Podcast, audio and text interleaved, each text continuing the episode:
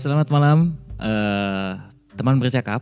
Uh, malam ini uh, saya akan uh, malam ini teman bercakap ditemani seorang wanita yang kurang lebih berapa tahun?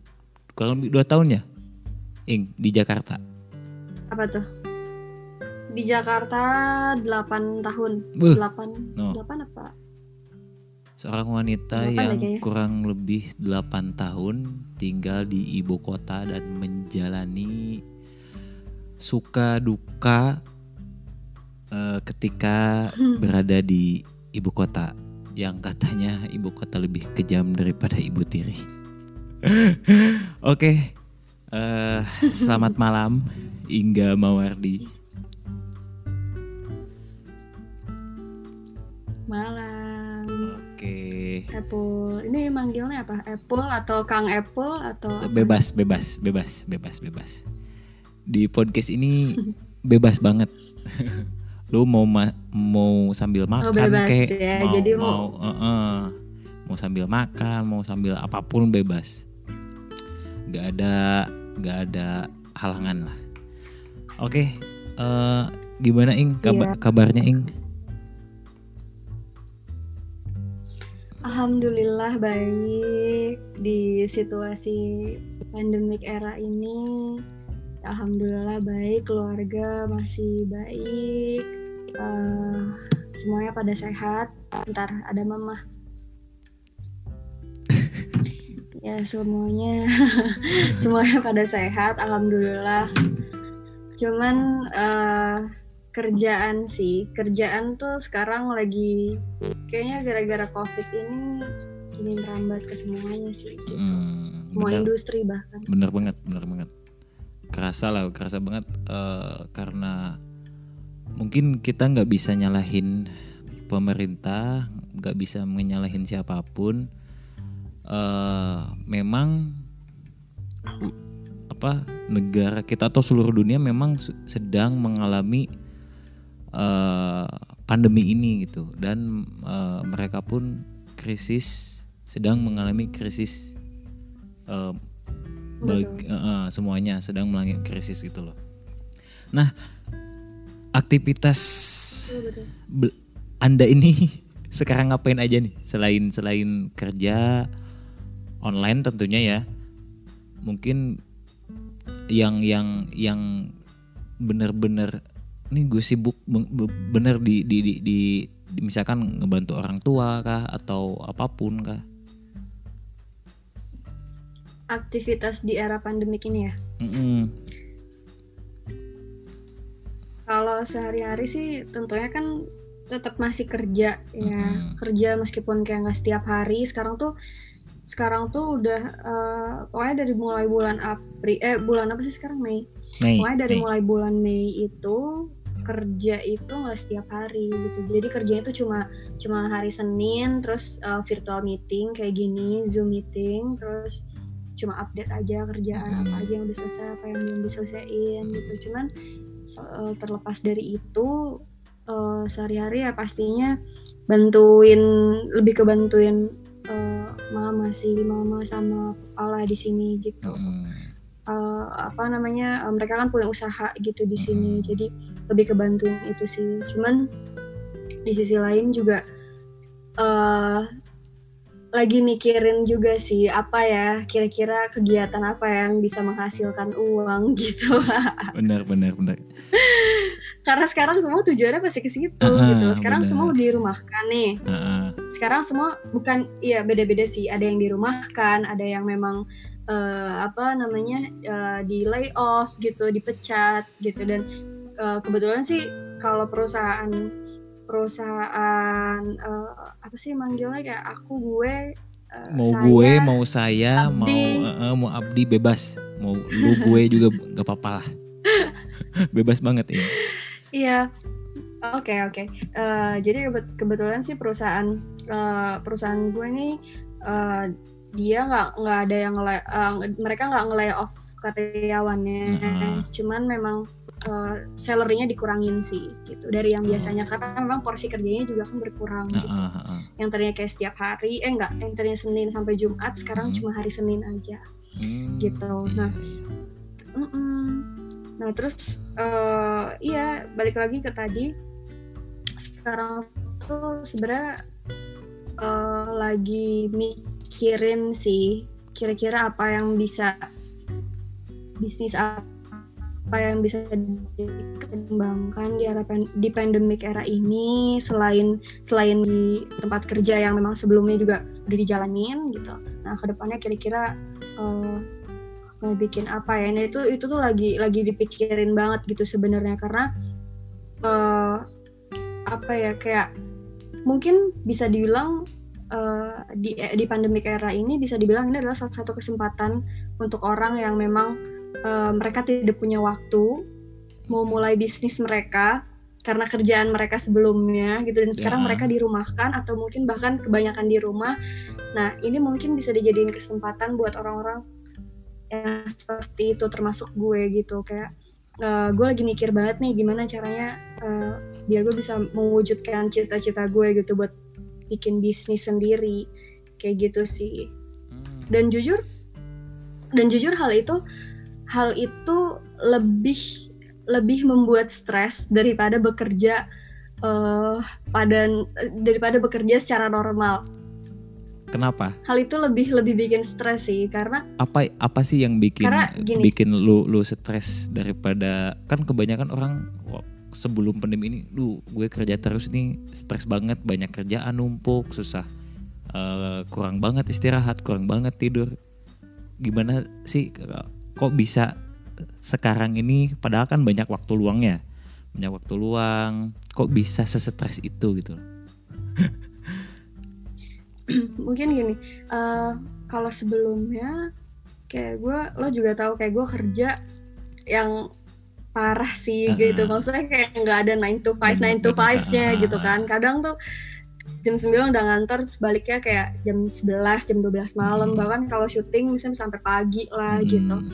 Nah tapi itu kan hal yang ibaratnya tuh hal yang eh, kayak itu sudah dikuasai gitu loh. Mm-mm. Hal yang udah dikuasai dan ya kita tahu gitu kita harus ngelakuin apa pada saat itu gitu. Nah kalau Mm. sekarang ini pandemic era ini ini kan untuk semua orang ini adalah hal baru gitu. Semua orang tuh baru ngalamin pandemic ini gitu. Dan eh, kalau dibilang eh, ini bisa aja sih. Ini tuh ini tuh kayak ya udah sekarang seleksi alam aja gitu. Kuat-kuatan siapa yang kuat ya dia yang bertahan gitu. Kayak kalau lo nggak kuat sama mindset lo kalau lo nggak kuat sama iman lo ya bye bye gitu. Sekarang tuh kayak kayak tinggal seleksi alam aja bahkan maksud gue kemarin kan pemerintah nggak eh, apa munculin eh, peraturan yang PSBB itu kan Heeh. yang PSBB itu cuman eh, setelah gue lihat-lihat tuh kayaknya orang tuh nggak patuh-patuh banget Bener. gitu loh sama Nggak ngaruh, PSBB nggak ngaruh gitu ya dan PSBB mau mau Hmm, lockdown sekalipun nggak mungkin nggak ngaruh. ngaruh. Heeh. Mm-mm, nggak ngaruh nggak ngaruh banget gitu. Jadi makanya kenapa tadi gue bilang seleksi alam ya udah karena emang pemerintah udah udah eh, apa udah ngeluarin PSBB kayak udah ngeluarin apa masyarakatnya tetap gitu loh kayak ada aja yang nggak nurut. Ya termasuk gue juga kadang nggak nurut juga sebenarnya gitu. Hmm. kayak masih ada tetap keluar rumah gitu. Nggak bener-bener kayak diem di rumah enggak karena ya kita punya kebutuhan gitu. Kita punya kebutuhan tapi ya, kalau gue mikirnya gimana caranya biar eh, gue eh, apa namanya m- membatasi diri gue atau gue bisa menjaga diri gue se- sebegitu ketatnya gitu ketika gue keluar entah itu ya pakai masker gitu ataupun eh, kalau mau belanja yang berat-berat gue pakai sarung tangan Hmm. atau pulang ke rumah baju langsung dicuci langsung mandi gitu kayak gitu sih karena karena eh, eh, kalau eh, ini kan bokap gue kan wira swasta kan. Hmm. wira swasta. Karena kalau kalau perusahaan kayak bokap gue gitu wira swasta gitu nggak bisa sih. Maksudnya harus ditutup ditutup dan udah nggak jualan tuh nggak bisa gitu. Karena Benar, benar. hmm, memang memang dapatnya gitu dari situ. Apalagi orang-orang kayak buruh kayak gitu-gitu yang memang memang mereka dapat upahnya tuh per hari gitu. Nggak bisa gitu. Nggak bisa kayak nggak bisa diberhentiin kasihan gitu. Heeh. Kayak gitu Pan- sih. Iya, jadi sekarang tuh iya eh, jadi sekarang tuh lebih stresnya tuh eh, mikirin strateginya sih ke depannya akan kayak gimana gitu. Karena kita terus pinter-pinter eh, membaca situasi yang kayak bukan membaca situasi menerawang situasi ke depannya akan seperti apa gitu. Dan kita sebisa mungkin harus punya rencana A B C D E gitu. Bahkan Hmm. mungkin sampai lima rencana gitu Hmm. buat menghadapi ke depannya itu akan seperti apa. Kayak gitu sih. Dan itu dan hal itu yang membuat gue semakin stres sebenarnya. Ditambah memang jarang keluar rumah terus eh, ketemu sama teman-teman juga ya virtual Nah, gitu.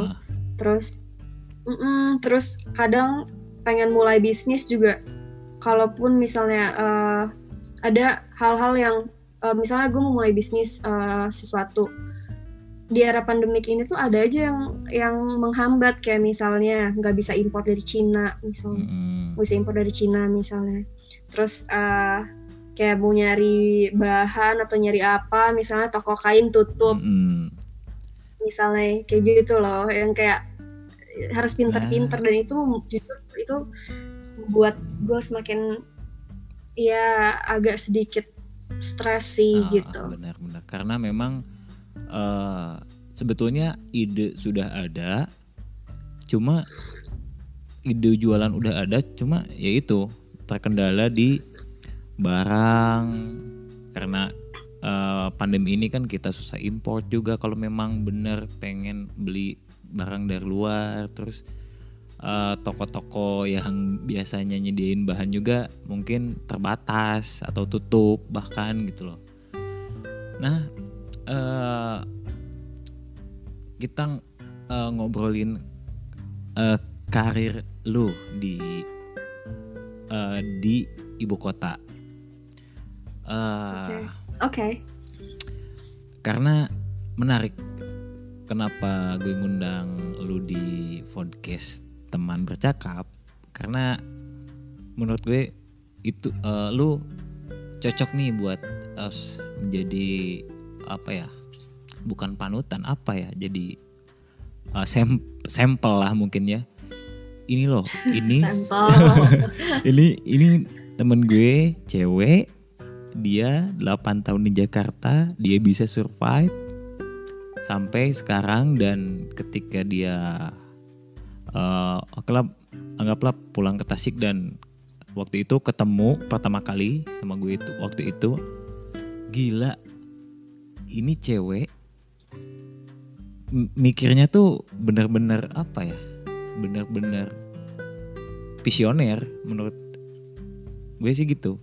Lu sangat sangat visioner membaca uh, situasi. Lu bener-bener pinter baca peluang.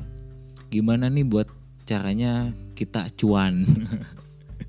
Cuan cuan cuan gila gimana bisa Cuan bisa bisa strong. bisa bisa bisa bisa diceritain ing uh, kenapa sih lu memut- memutuskan untuk uh, milih Jakarta? Oke. Oke. Oke oke.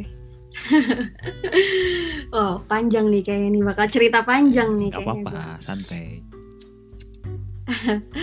jadi emang hmm, dulu tuh awalnya gue kan dari kecil dari kecil tuh gue udah dicekokin sama musik gitu. Kayak gue gue disuruh tampil disuruh nyanyi. Terus kayak gue pernah uh, fashion show model Asik, anak kecil asik. gitu kan. Pokoknya pokoknya uh, apa namanya yang berhubungan dengan entertain Eh, itu gue dulu kayak dimasukin dijerumusin ke situ gitu. Nah singkat cerita gue lulus kuliah tuh eh sorry gue lulus SMA itu gue kan SMA di Tasik kan gue Hmm. SMA di Tasik terus eh, abis itu gue juga ada project-project nyanyi. Nah kebetulan pas udah lulus SMA gue punya project nyanyi nih sama teman-teman. Teman-teman itu yang kebetulan domisilinya di Jakarta gitu.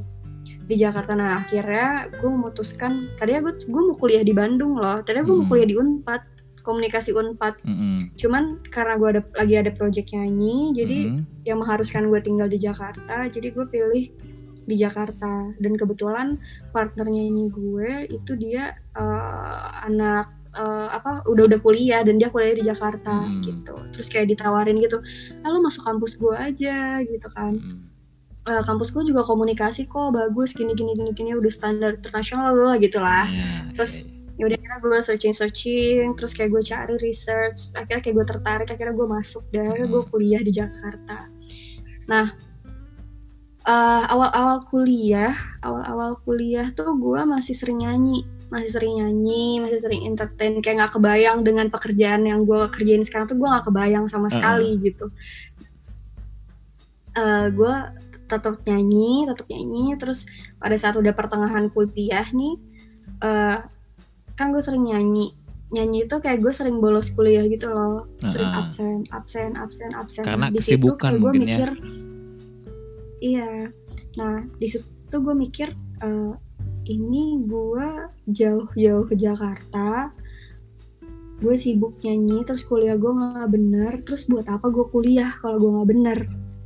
Uh, gitu loh. Dan terus kayak jiwa jiwa jiwa anak rantau gue tuh muncul di situ gitu loh kayak buat buat apa gue kuliah kalau gue ke Jakarta kalau gue nggak bener gitu. Nah akhirnya gue memutuskan untuk vakum vakum di nyanyi. Gue vakum di nyanyi dan akhirnya gue uh, selesaiin kuliah gue. Dan alhamdulillah lulus tepat waktu. Nah waktu itu gue ngambil jurusan PR public relations gitu. Nah itu kan sebenarnya berhubungan sama humas gitu. Nah awalnya gue gue kenapa gue ngambil humas tuh karena kayak gue mikir gue nyanyi ya gue harus bisa ngejual diri gue lah gitu. Gue harus bisa ngehumasin diri gue lah. Nah awalnya gitu sih mikirnya. Gitu cuman uh, ternyata harapan dan realita tuh kadang nggak sesuai gitu. Kadang nggak sesuai dan mungkin hal itu yang bisa yang harus dijadiin pelajaran gitu dan harus diambil hikmahnya. Jadi setelah lulus kuliah dari PR uh, kan gue nggak mungkin dong kayak gue minta-minta duit terus gitu. Nggak mungkin dong. Kayak gue waktu itu lulus kuliah 22 tahun ya 22 tahun tuh gue lulus kuliah. Nggak mungkin dong gue minta-minta duit terus. Nah gue harus apply kerja. Gue apply tuh ke mana-mana sana sini sana sini sana sini dan satu bulan setelah lulus setelah gue wisuda akhirnya gue diterima kerja di industri kreatif. Hmm.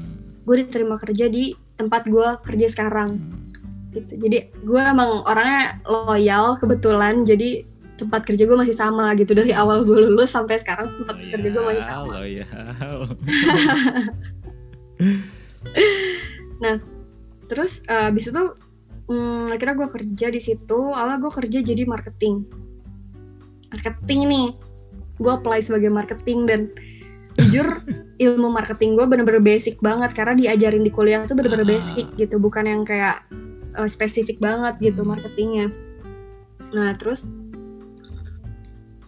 Terus hmm, habis itu uh, ternyata setelah gue jalanin sebagai marketing gue tuh nggak se-achieve itu di marketing gitu loh gue nggak se-achieve itu di marketing kayak kayak jiwa gue nggak di situ gitu loh. Dan banyak hal banyak hal tentang marketing yang gue miss gitu. Dan gue nggak nggak ngedilingin banyak klien gitu. Padahal kan marketing di industri kreatif tuh itu sangat ujung tombak banget kan. Hmm. maksudnya uh, ya mereka nggak hidup gitu loh. Kalau misalnya eh, nggak uh, marketingnya nggak jalan. Karena kan jualannya jasa kan gitu bukan bukan barang gitu.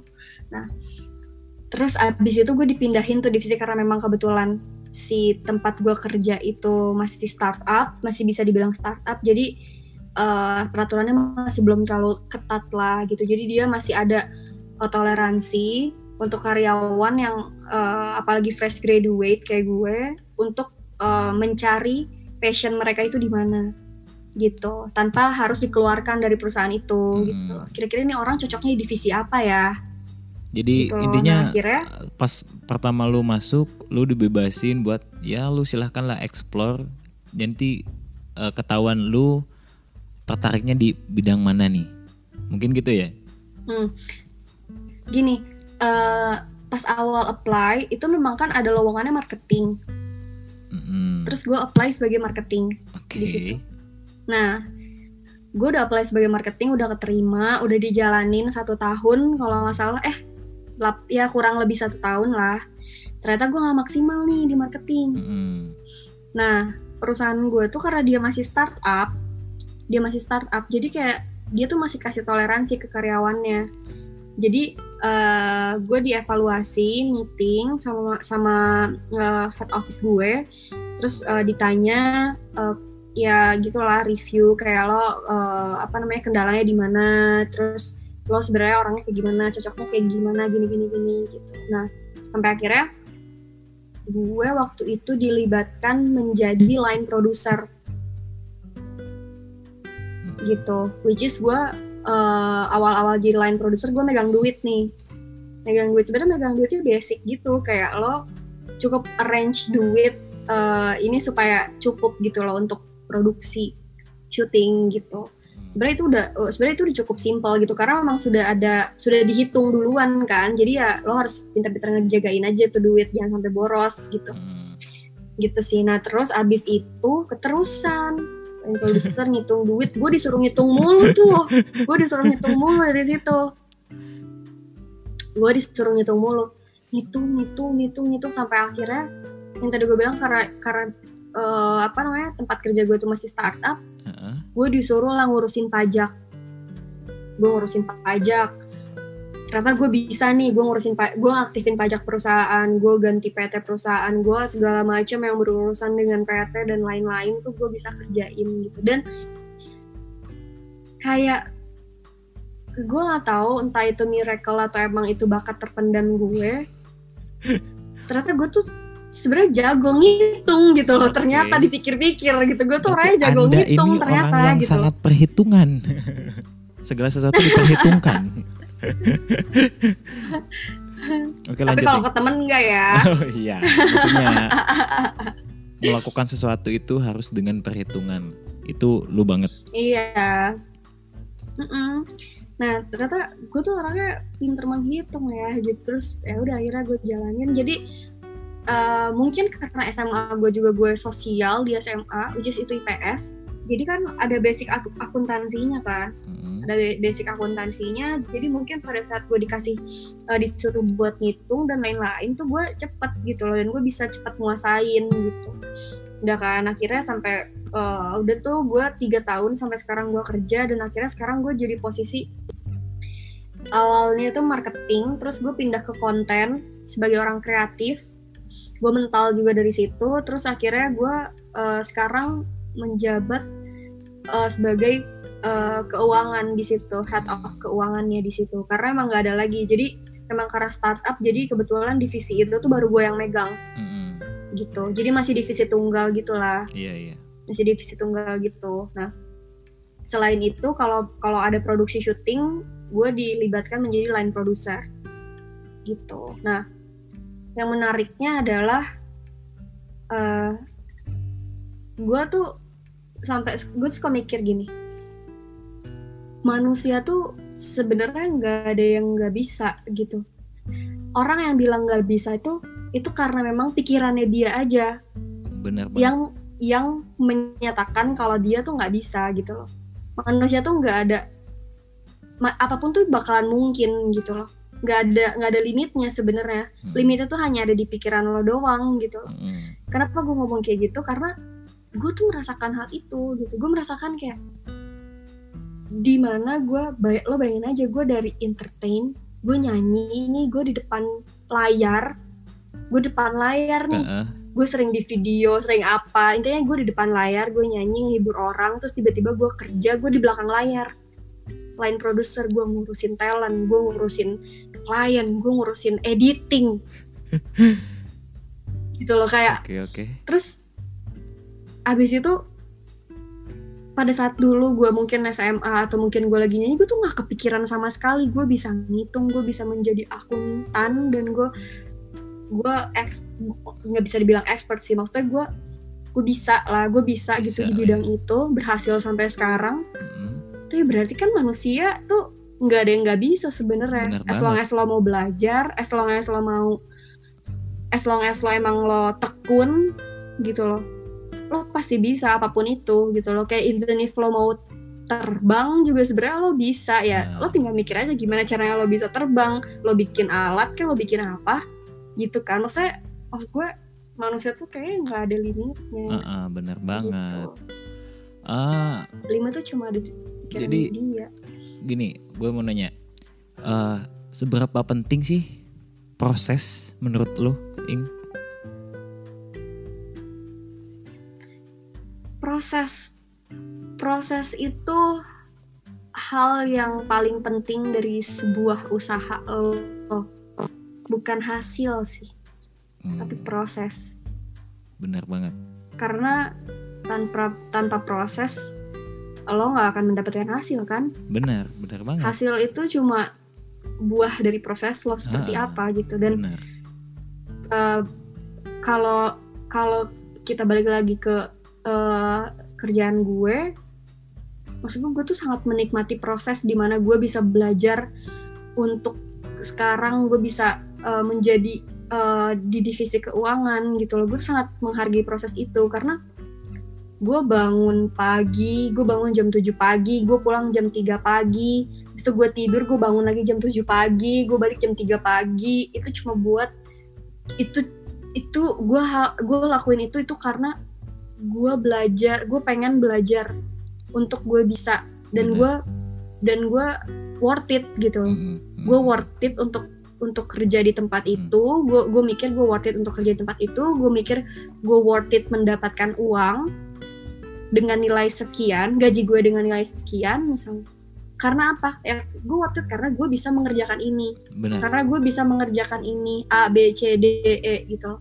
itu kayak maksud gue it- gue bukan sombong dan itu bukan hal yang yang eh, bukan konteksnya bukan sombong tapi lo harus harus appreciate diri lo sendiri gitu loh yang kayak ya lo bisa lo worth it gitu loh jangan jangan yang malah kayak ah enggak deh kayak gue enggak deh di situ ah gue kayak malu deh di situ ya gue nggak bisa deh ketemu sama orang nah Bener banget. itu tuh kayak Iya. sebenarnya itu nggak boleh Ah, ah, gitu kebanyakan kebanyakan itu nggak boleh orang kan khususnya eh, anak-anak muda seumuran kita tuh kebanyakan mungkin mereka berpikir eh, menyerah se- se- sebelum dia melakukan hal itu gitu loh.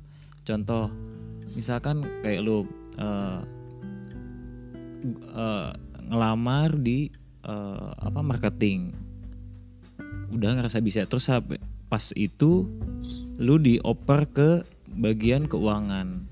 Nah kebanyakan orang loh gue bisa nggak ya? Gue bisa nggak ya ke keuangan? Loh kayaknya nggak bisa kayaknya. Padahal dia ngomong nggak bisa tanpa belum dia lakuin gitu loh. Kebanyakan kan orang gitu jadi eh bener banget eh, apa yang lo bilang proses memang tidak mengkhianati hasil. Tentunya nggak mungkin dong eh, apa orang tuh nggak bisa ngeliat eh, lu yang sekarang ini pas yang udah jadi gitu loh. Orang kadang nggak pernah lihat nih Ingga ini gimana nih awalnya bisa kayak gini dia bisa eh, punya pemikiran yang visioner dia bisa pintar banget baca situasi baca peluang dan lain sebagainya. Banyak banget gitu loh.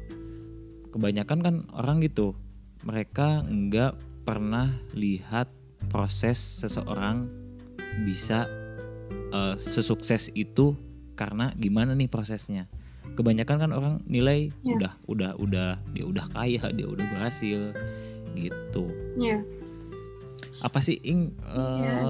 selama 8 tahun kurang lebih lu di Jakarta apa sih yang bikin tentunya pasti gak ada yang nggak enaknya kan nggak mungkin kan enak Oh, pasti terus pasti apa apa, apa, apa sih Oh, yang pasti. yang yang bikin lu nggak enak tinggal di Jakarta. Apa? Oke. Eh, gini eh, baru gue sadarin eh, kalau memang istilah Jakarta keras itu emang Jakarta tuh emang keras tuh baru gue sadarin ketika memang gue di titik di mana waktu itu gue selesai syuting gue nggak tidur 20 27 jam 27 apa 28 jam itu gue nggak tidur. Heeh. terus kan gue di Jakarta ngekos kan gue tinggal sendiri. Nah, terus kayak gue waktu itu gue masih bawa kendaraan sendiri waktu itu.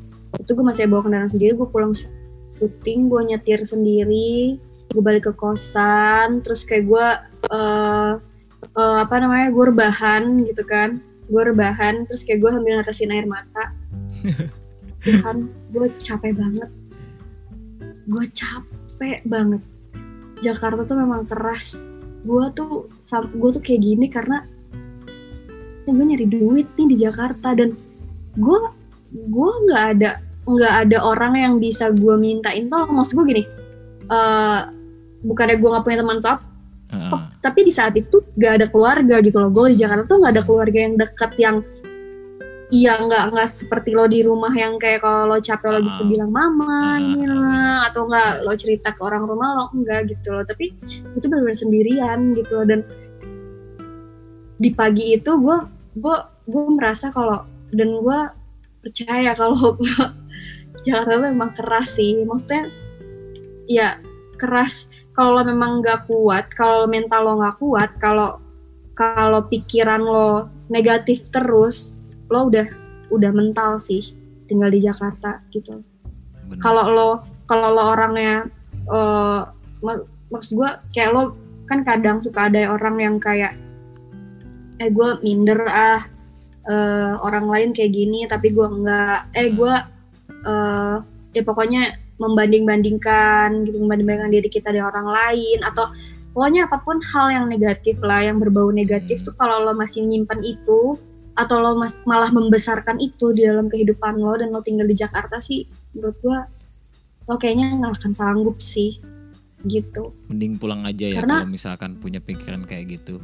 Iya. Daripada capek-capek eh, ke Jakarta nggak dapat apa-apa ya mending Iya. pulang aja gitu loh iya dan karena memang yang harus dibuild tuh yang harus dibuild pertama tuh mental gitu loh ketika di Jakarta mental ketika lo nggak punya teman dekat mental ketika lo nggak ada siapa-siapa pada saat lo pulang ke kosan mental pada saat lo lagi kenapa-napa Hmm. lagi kayak lo mungkin eh, lagi kesusahan atau kena musibah atau apa lo nggak ada apa-apa orang tua jauh misalnya itu sih yang harus dibuild yang harus yang harus dibuild. Bukan menjadi bukan menjadi orang yang keras enggak tapi dididik secara alami dididik sama alam tuh buat lebih dewasa lagi gitu untuk menghadapi suatu masalah tanpa lo harus melakukan hal yang negatif gitu. Benar, benar, Maksud banget. tanpa tanpa lo harus nyeleweng karena mentang-mentang di Jakarta gitu terus lo bisa uh, berperilaku sebebasnya Hmm. gitu. Uh, melakukan hal negatif. Nah tanpa uh, tanpa lo melakukan hal, hal itu gitu lo lo tuh dididik sama alam gitu. Nah balik lagi tuh ya ke mental sama ke akal sehat lo seperti apa dan ya tujuan sih. Tujuan hidup lo tuh mau kayak gimana gitu. Benar benar. Benar banget. Lo percaya gak sih kalau tujuan hidup seseorang tuh berubah-berubah. Seiring seiring dia bertumbuh dewasa. Seiring dia eh, apa namanya iya bertambah dewasa bertambah percaya umur. Tujuan percaya. hidup seseorang tuh benar. Beda-beda tau berubah-berubah Ah. tau. Bisa bisa berubah benar benar. Eh, gue aja yang Gitu. yang yang apa ya gue juga gak pertama. Gue lulus SMA kan orang lain tuh pada sibuk pada sibuk yang senam PTN lah ke pengen ke kampus-kampus eh, terbaik. Terus eh, ada yang di Tasik juga. Gue malah mikir dulu waktu waktu udah lulus ke SMA gue mikir ngapain kuliah? Terus setelah kuliah emang bisa dapat kerja gue mikir ya udahlah gue mendingan daripada gue daftar kuliah gue masuk ini aja deh masuk eh, TNI aja deh. Waktu itu gue daftar TNI di Bandung di Bandung. Dan di pikiran gue hanya gini gue masuk TNI terus ketika gue lulus gue udah dapat pekerjaan sebagai TNI nih. Enak banget kan? Dapat gaji terus nggak lama juga nggak kayak kuliah 4 tahun. Terus habis itu ngelamar-ngelamar ke sana kemari. Ribet banget. Gue mikirnya udah daftar tentang ternyata enggak segampang yang gue pikirin waktu itu. Bener susah banget. Prosesnya pun berat banget. Gue harus setiap hari olahraga eh, hidup sehat lah pokoknya. Bener-bener dijaga buat eh, ngejar cita-cita yang gue inginin. Tapi tapi di sana setelah eh, selesai eh, di apa tes gue kan nggak lulus tuh di di pantuhir. Oke lah. Akhirnya gue kan nggak daftar kuliah juga gue nggak keterima tentara juga. Akhirnya nganggur dong nganggur. Gue diem aja di rumah paling ngontek temen lu udah kuliah nggak? Belum katanya. Gue nunggu stan. Oke. Gue waktu itu memang ngikut-ngikut teman aja. Oke gue juga mau ikut lah nyobain stan. Eh, selang beberapa minggu eh gue tanyain temen gue bilang gimana? Udah udah dibuka belum stan? Oh tahun sekarang tuh stan nggak buka penerimaan mahasiswa baru. Hah?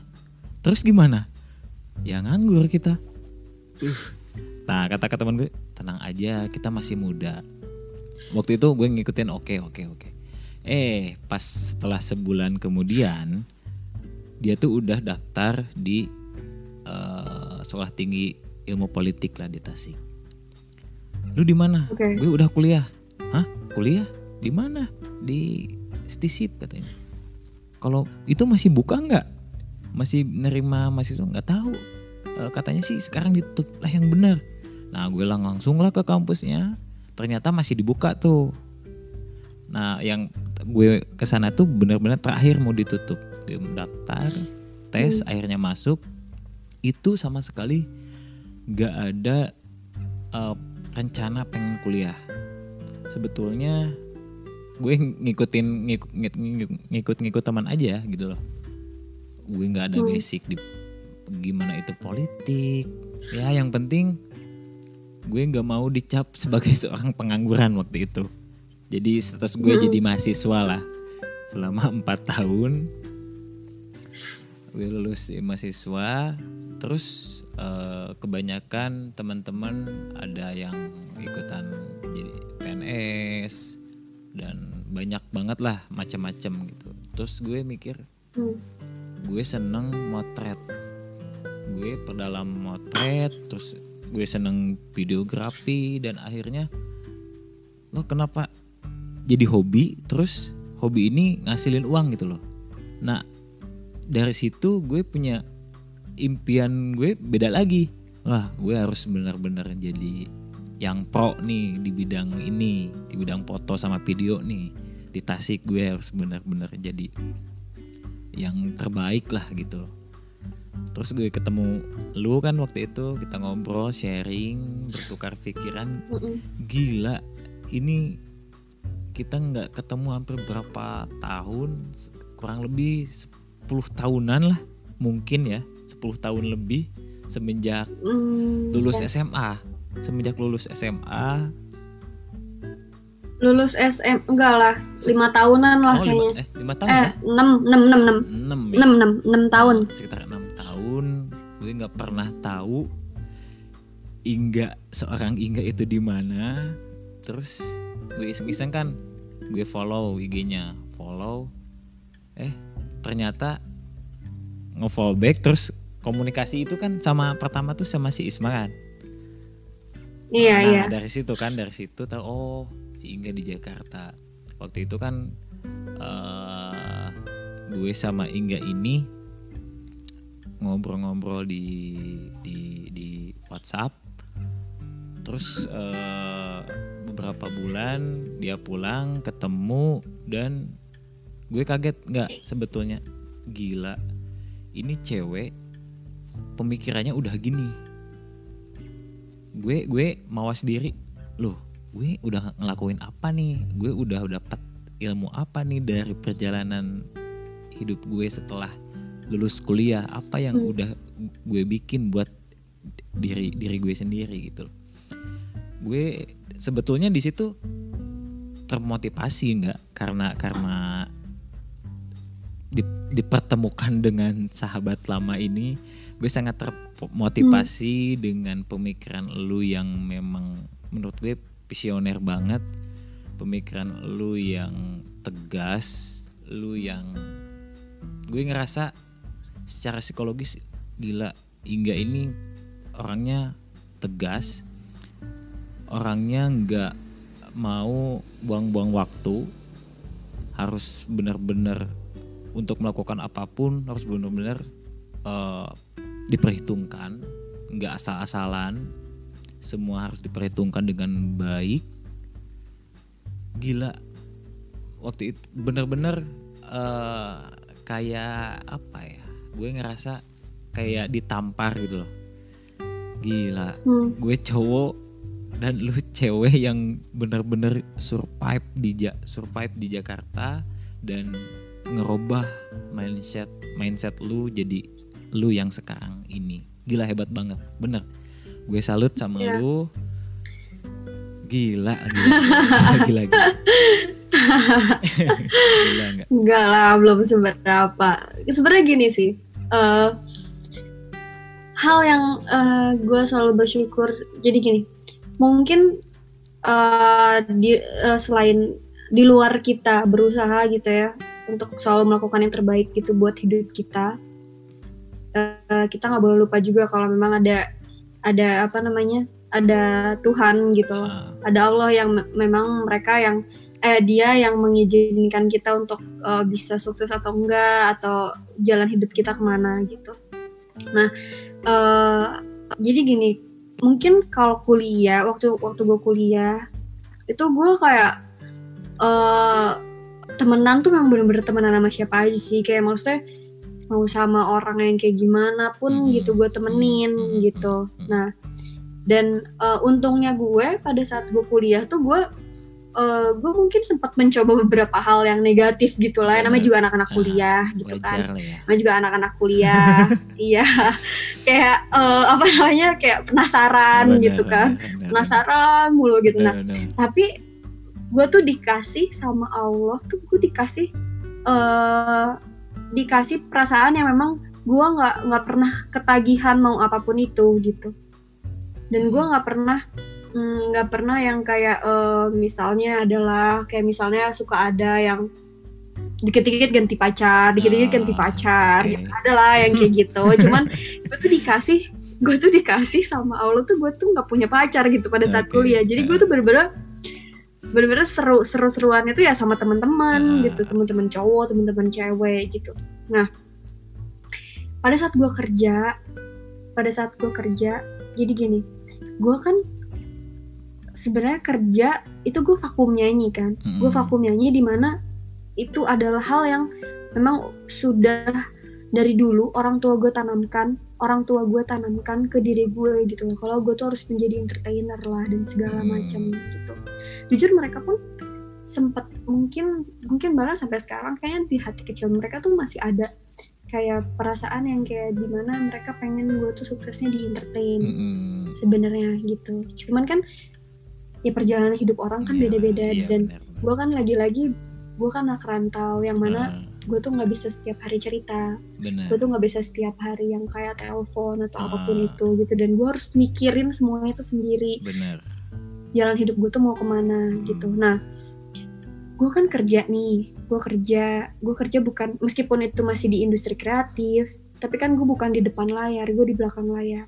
Nah dari situ gue ngambil hal positifnya. Pertama gue ngambil hal positifnya oh mungkin Allah mas oh, mungkin Allah ngasih ngasih gue jalan tuh gue harus tahu dulu di belakang layarnya seperti apa. Karena selama gue ikut ik- selama gue nyanyi selama gue misalnya ada syuting eh, apa main eh, acting atau apa pun itu gue tuh gue tuh takut. Karena gue tuh selalu berpikiran kalau entertain tuh nggak baik. Kayak banyak orang-orang jahat di dalamnya. Entah itu misalnya ada om-om yang jahat lah misalnya gitu. Itu itu pikiran gue pada saat itu ya. Oke. karena memang isunya waktu itu pada kayak gitu Hmm. gitu loh. Yang kayak si ini pacaran sama om apa apa om, apa om apa lah itu banget kan. Mengerikan iya maksudnya itu itu di pikiran gue Ah. menurut gue itu serem gitu. Menurut gue itu gue nggak ke situ. Tapi ya ya gue juga menghargai juga untuk orang-orang yang memang memang jalan hidupnya seperti itu. Dan memang mereka juga melakukan itu juga nggak apa-apa juga. Itu kan pilihan gitu. Benar. Cuma untuk gue pribadi eh gue nggak ke situ gitu. Nah gue tuh ada rasa ketakutan itu karena gue kan jauh dari orang tua Hmm. gitu. Gimana kalau gue kenapa gue kan perempuan? Gitu. benar. Benar eh mungkin dijawab lah sama Allah. Nih lo tahu dulu deh belakang layarnya kayak apa. Gue gue eh, gue bukain deh tuh jalan lo untuk kerja di industri kreatif. Mm-mm. karena gue kerja kan di industri kreatif Ya, gitu. Gua kerja di industri kreatif terus gini.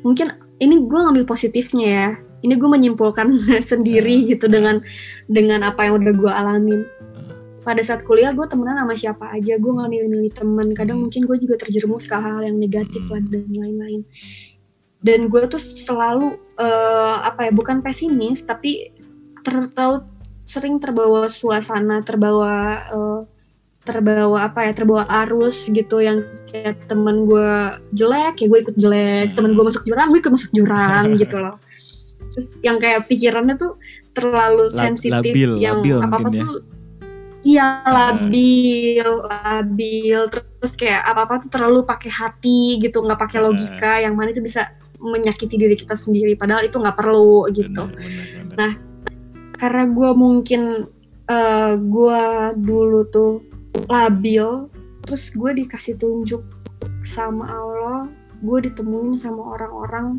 di tempat kerja gue ini sama orang-orang yang luar biasa memberikan dampak positif gitu di kehidupan gue. Kayak 180 derajat gue berbeda sih. Dari gue kuliah pas eh, dan gue kerja itu 180 derajat sih kayak berbeda sih. Dari cara gue berpikir dari Bener cara banget. gue mengambil Bener tindakan benar banget.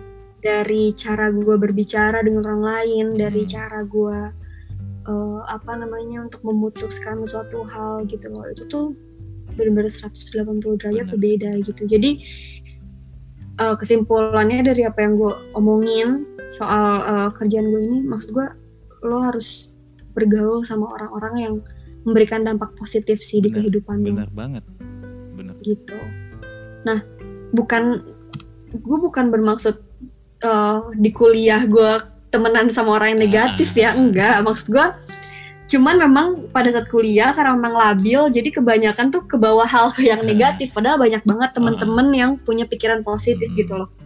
dan, gitu. dan menurut gue Nah, itu dan itu, saat- itu itu itu wajar banget kalau misalkan ya lu ke bawah arus lah ke sana kemari terombang ambing gelombang teman-teman yang memang apa ya ya senangnya eh, main-main gitu loh. Dan alhamdulillah lu nemuin eh, kualitas teman-teman yang memang bermanfaat bagi lu terus memberikan apa ya yang bisa menjadikan lu yang sekarang ini gitu loh.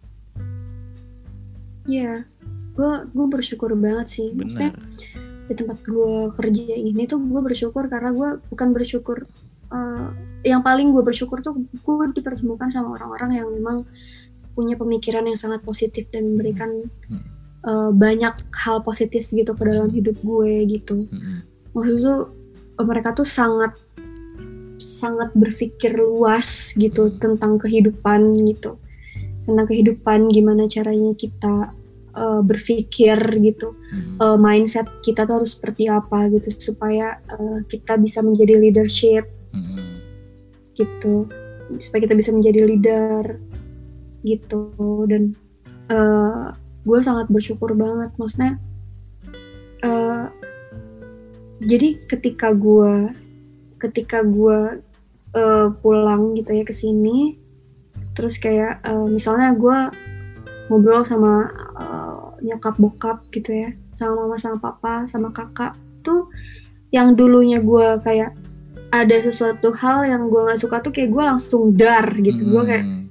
apaan sih orang nggak suka bla, bla, gitu kan misalnya nah Hmm. sekarang tuh yang kayak lebih gue gue tuh kayak lebih mikir lagi untuk mengeluarkan kata-kata Ah. itu lebih kayak ke oh pemikiran dia ternyata kayak gitu ya kenapa ya dia bisa mikir kayak gitu ya oh oh ternyata dasarnya tuh dari sini Hmm. Oh iya sih dasarnya dari sini tuh bisa menghasilkan A dan B. Benar. Si A nya keluarnya gini si B nya keluarnya gini gitu loh. Jadi gue jadi jadi lebih ada filternya gitu loh. Ah, jadi lu bisa lebih sekarang lebih ke de, ah, berpikir dewasa kan ya? Meng- ketika Iya, dibenturkan dengan sesuatu hal masalah lah. Mau besar mau kecil pasti lu bener-bener ngadapinnya tuh dengan tenang lu amati dulu loh kenapa gini kok kenapa gini mungkin lu lebih g- gitu Iya. kan sekarang Iya, mungkin itu juga salah satu proses pendewasaan gue gitu. Mungkin ketika gue bekerja, di situ gue eh, dipertemukan orang positif dan di situlah ke trigger gitu loh. Tri nge-trigger gue buat, buat menjadi orang yang dewasa gitu. Mungkin salah satunya itu juga sih gitu. Bener Cuman mm-mm, ya itulah yang sebenarnya eh, membuat gue bertahan gitu selama 8 tahun gue di Jakarta. Dan gue masih baik-baik aja dan gue masih tetap punya penghasilan dan gue masih tetap punya temen alhamdulillah banyak teman gitu. Di Jakarta banyak yang sayang alhamdulillah gitu. Mungkin ya salah satunya itu hal positif eh, berpikiran positif. Pemikiran yang positif. Bener pemikiran yang positif itu bisa membawa kita ke hal yang positif juga kan tentunya. Bener bener gitu. Jadi secara nggak langsung juga perilaku kita juga menjadi positif Ah, ah. juga gitu. Cara Benar, bicara benar juga kita menjadi Benar positif Bener juga gitu. Nah jadi Karena buat pikiran positif eh, itu.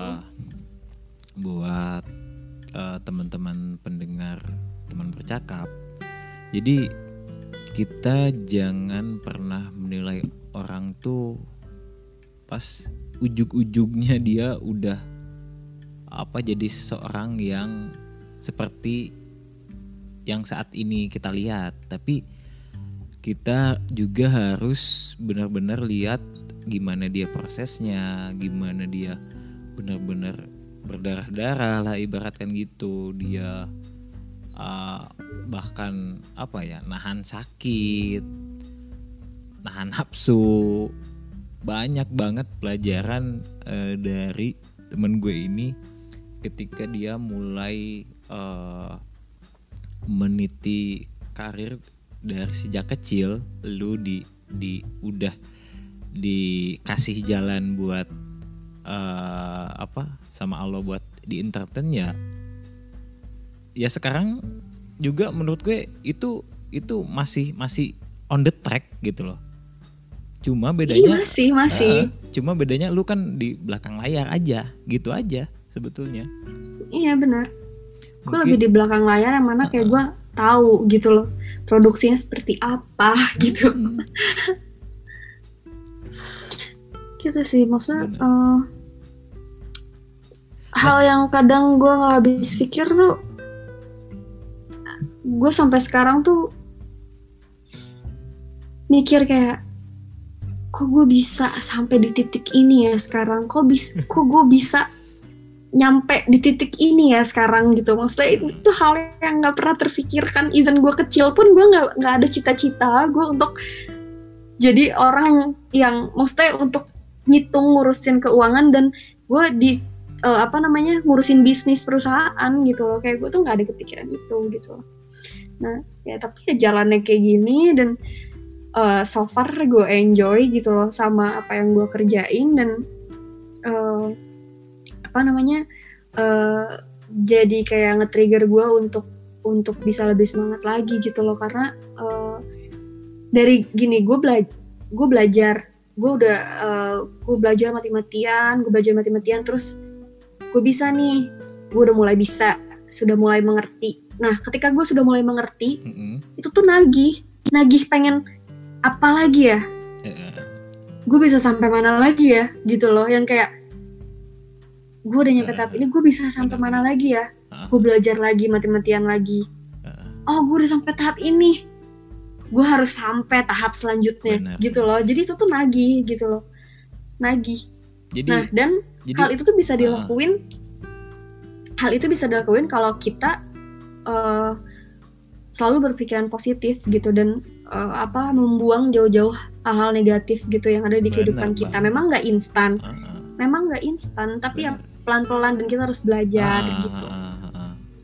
Jadi sebetulnya lu ngelakuin lu setiap mungkin setiap hari lu ngasih challenge ke diri lu sendiri mungkin ya. Gimana lu iya bisa ngatasin eh, semua tantangan itu dengan mudah dan sangat diperhitungkan tentunya nggak salah-salahan gitu. Nah eh apa sih yang lu kangenin dari Jakarta? Kan sekarang lu lagi di rumah nih tentunya di situasi pandemi mungkin nggak mungkin juga kan eh, bisa balik ke Jakarta untuk sementara waktu kan masih tertahan di rumah. Dan apa sih yang membuat lu kangen sama Jakarta atau tempat kerja lu? kerasnya Jakarta sih gue kangen banget. Kerasnya Jakarta yang di mana di mana keras banget yang di mana eh, universe. Universe itu kayak nge-push kita. Nge-push kita untuk lo harus bisa bertahan. Lo nggak boleh sedih. Nggak boleh. Ayo mikir gimana caranya? Gimana cara gitu loh. Gue tuh kangen itunya. Gue kangen gue kangen pressure itunya loh. Gue kangen pressure yang kayak di mana di mana kayak gue harus berpikir keras eh, tanpa ada siapa-siapa gitu ya. Tanpa tanpa ada orang yang bisa ngebantuin gue Bener. Gue berpikir keras gimana caranya gue harus bisa melakukan hal itu misalnya. Gitu. Nah itu itu gue kangen sih. Gue kangen kerasnya Jakarta gue kangen kangen orang-orangnya yang apa aja gue bisa temuin gitu loh. Hmm. orang dari Sabang sampai Merauke tuh gue Hmm. bisa temuin di Jakarta. Gitu. Dan jujur hal itu juga sebenarnya yang yang eh, makin ngebangun gue untuk terus berpikir positif gitu Hmm. dengan cara mendengarkan orang yang memang culture-nya berbeda gitu yang memang dia punya pemikiran yang berbeda Benar. pandangan berbeda ah.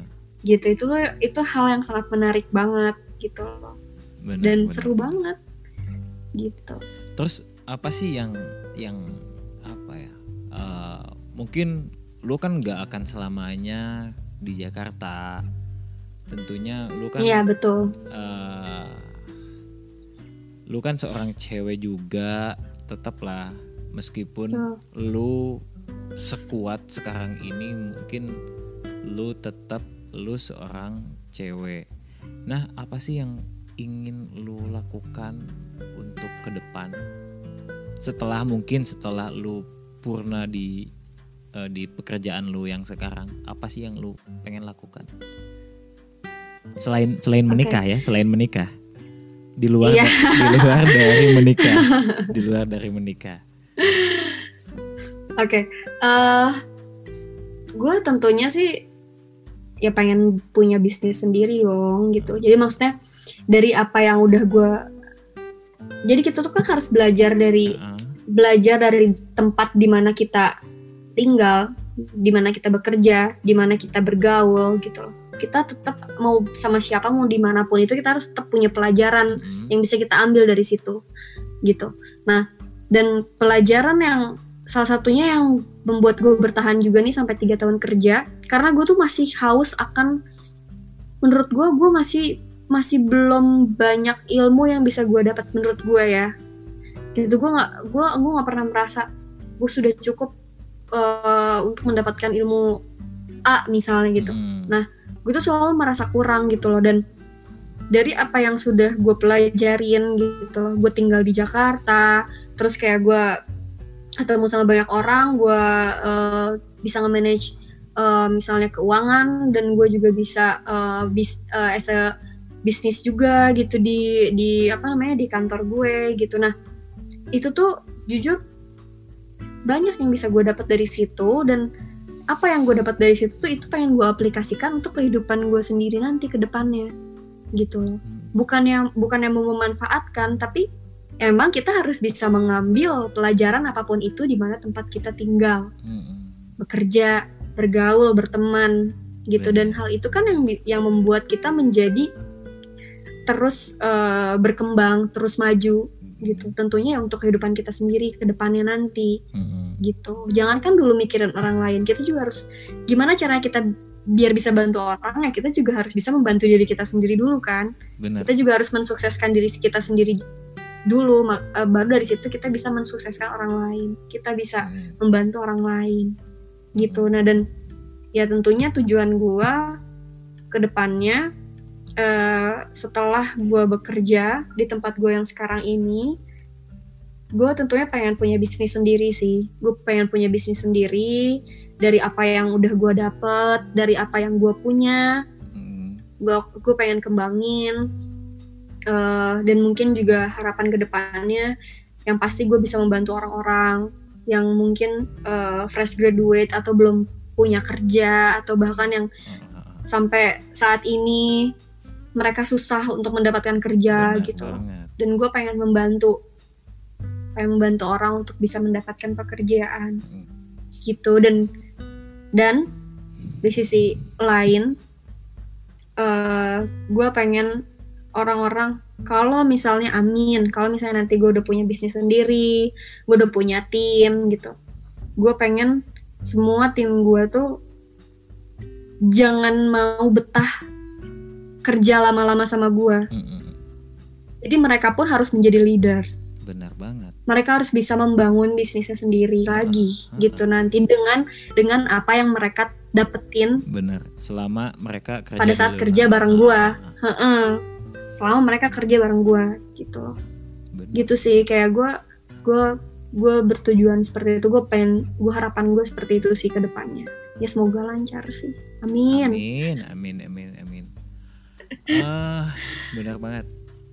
Ah, yang gue alamin dari sebuah perjalanan itu pasti m- menurut gue ya, perjalanan itu mau baik ataupun buruk, pasti ada manfaatnya buat kita, pasti ada pembelajaran buat kita. Nah, gue kan eh, sekarang nih gue malah terjebak di eh, Indonesia bagian timur di Kalimantan. Eh, sebetulnya gue juga mikir gue harus punya usaha sendiri, gue harus sukses di umur berapa, gue harus secara literatur gue harus bener-bener dipenuhin.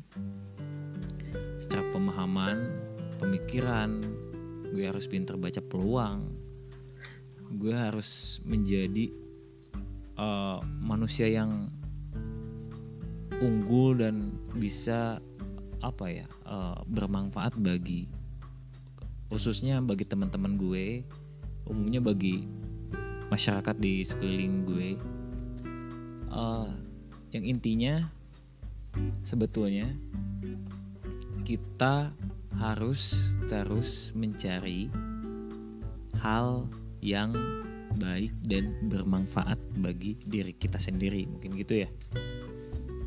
Ya. Ya. Betul.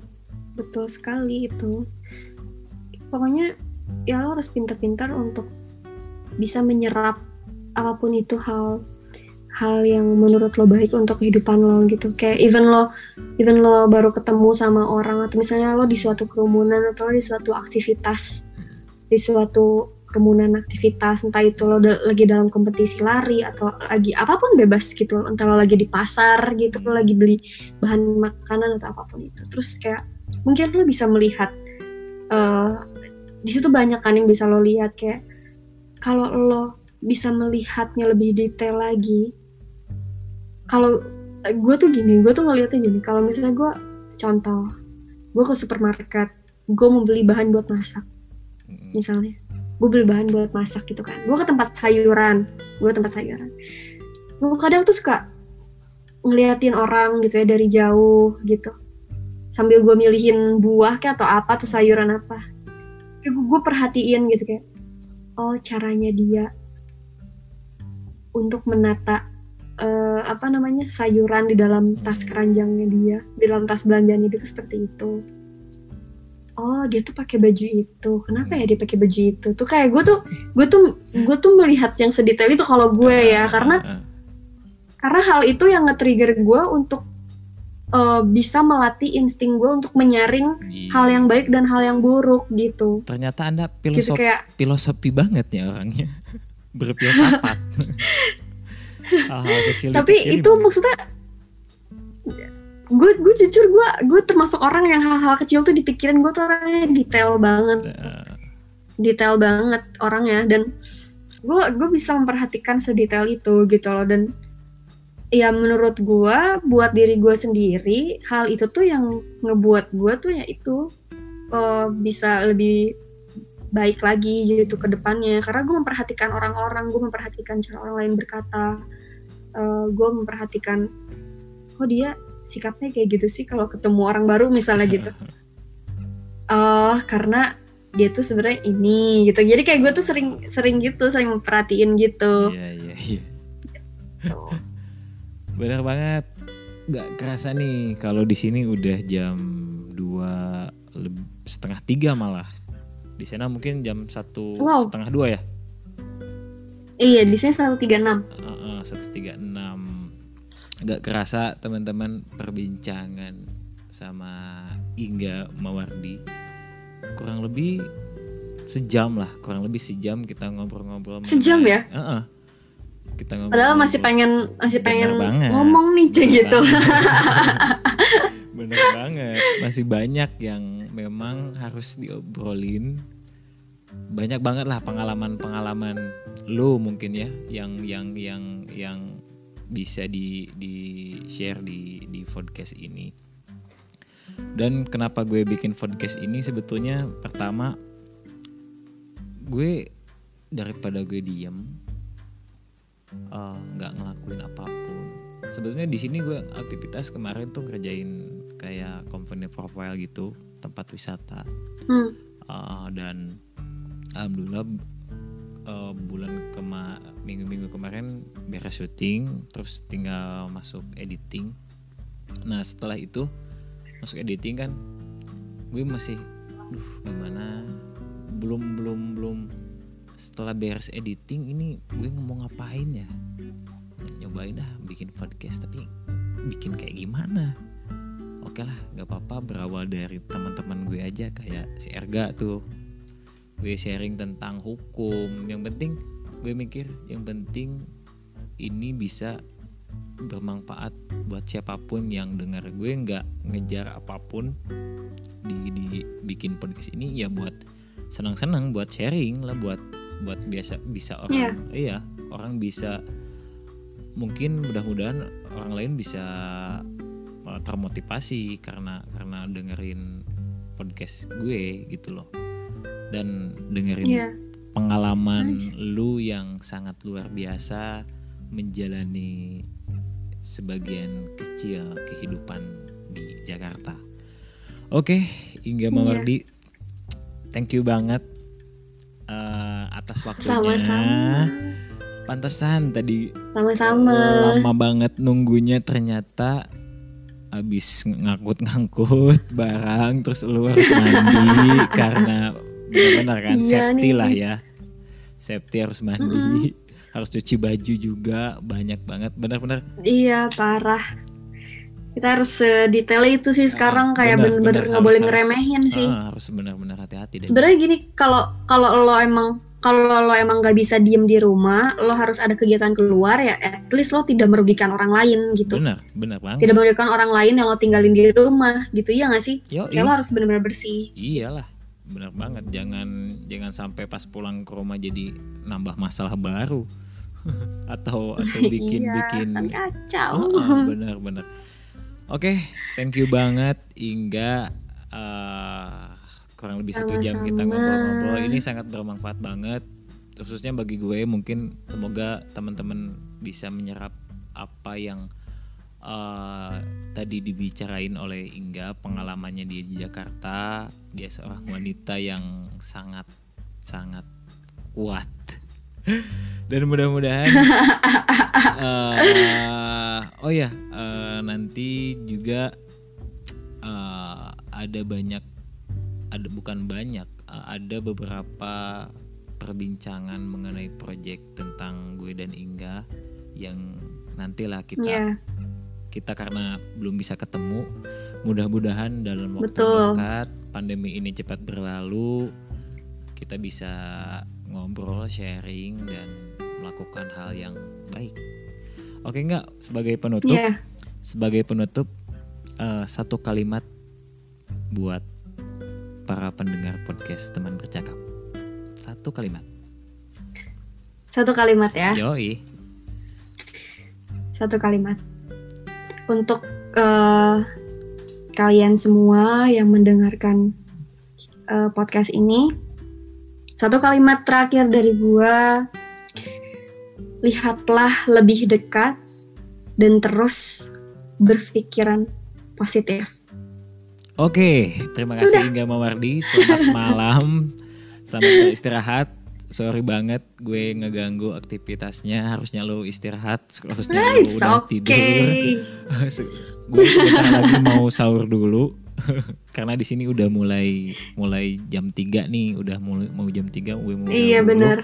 Thank you banget, thank you banget. Terima kasih buat waktunya. Sama-sama, sama-sama, sama-sama. Semoga pandemi Thank you loh. Ah. Gue belum ngucapin thank you, thank you loh Oke, udah oke. ngundang gue untuk Oke. ngomong di podcast lo. Oke, Meskipun sama-sama. obrolan gue kadang nggak jelas.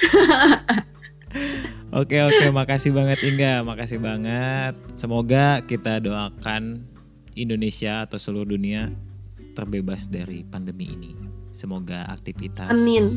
bisa kembali normal Oke Ingga selamat malam Betul. Assalamualaikum warahmatullahi wabarakatuh Waalaikumsalam. Bye bye. Thank you bro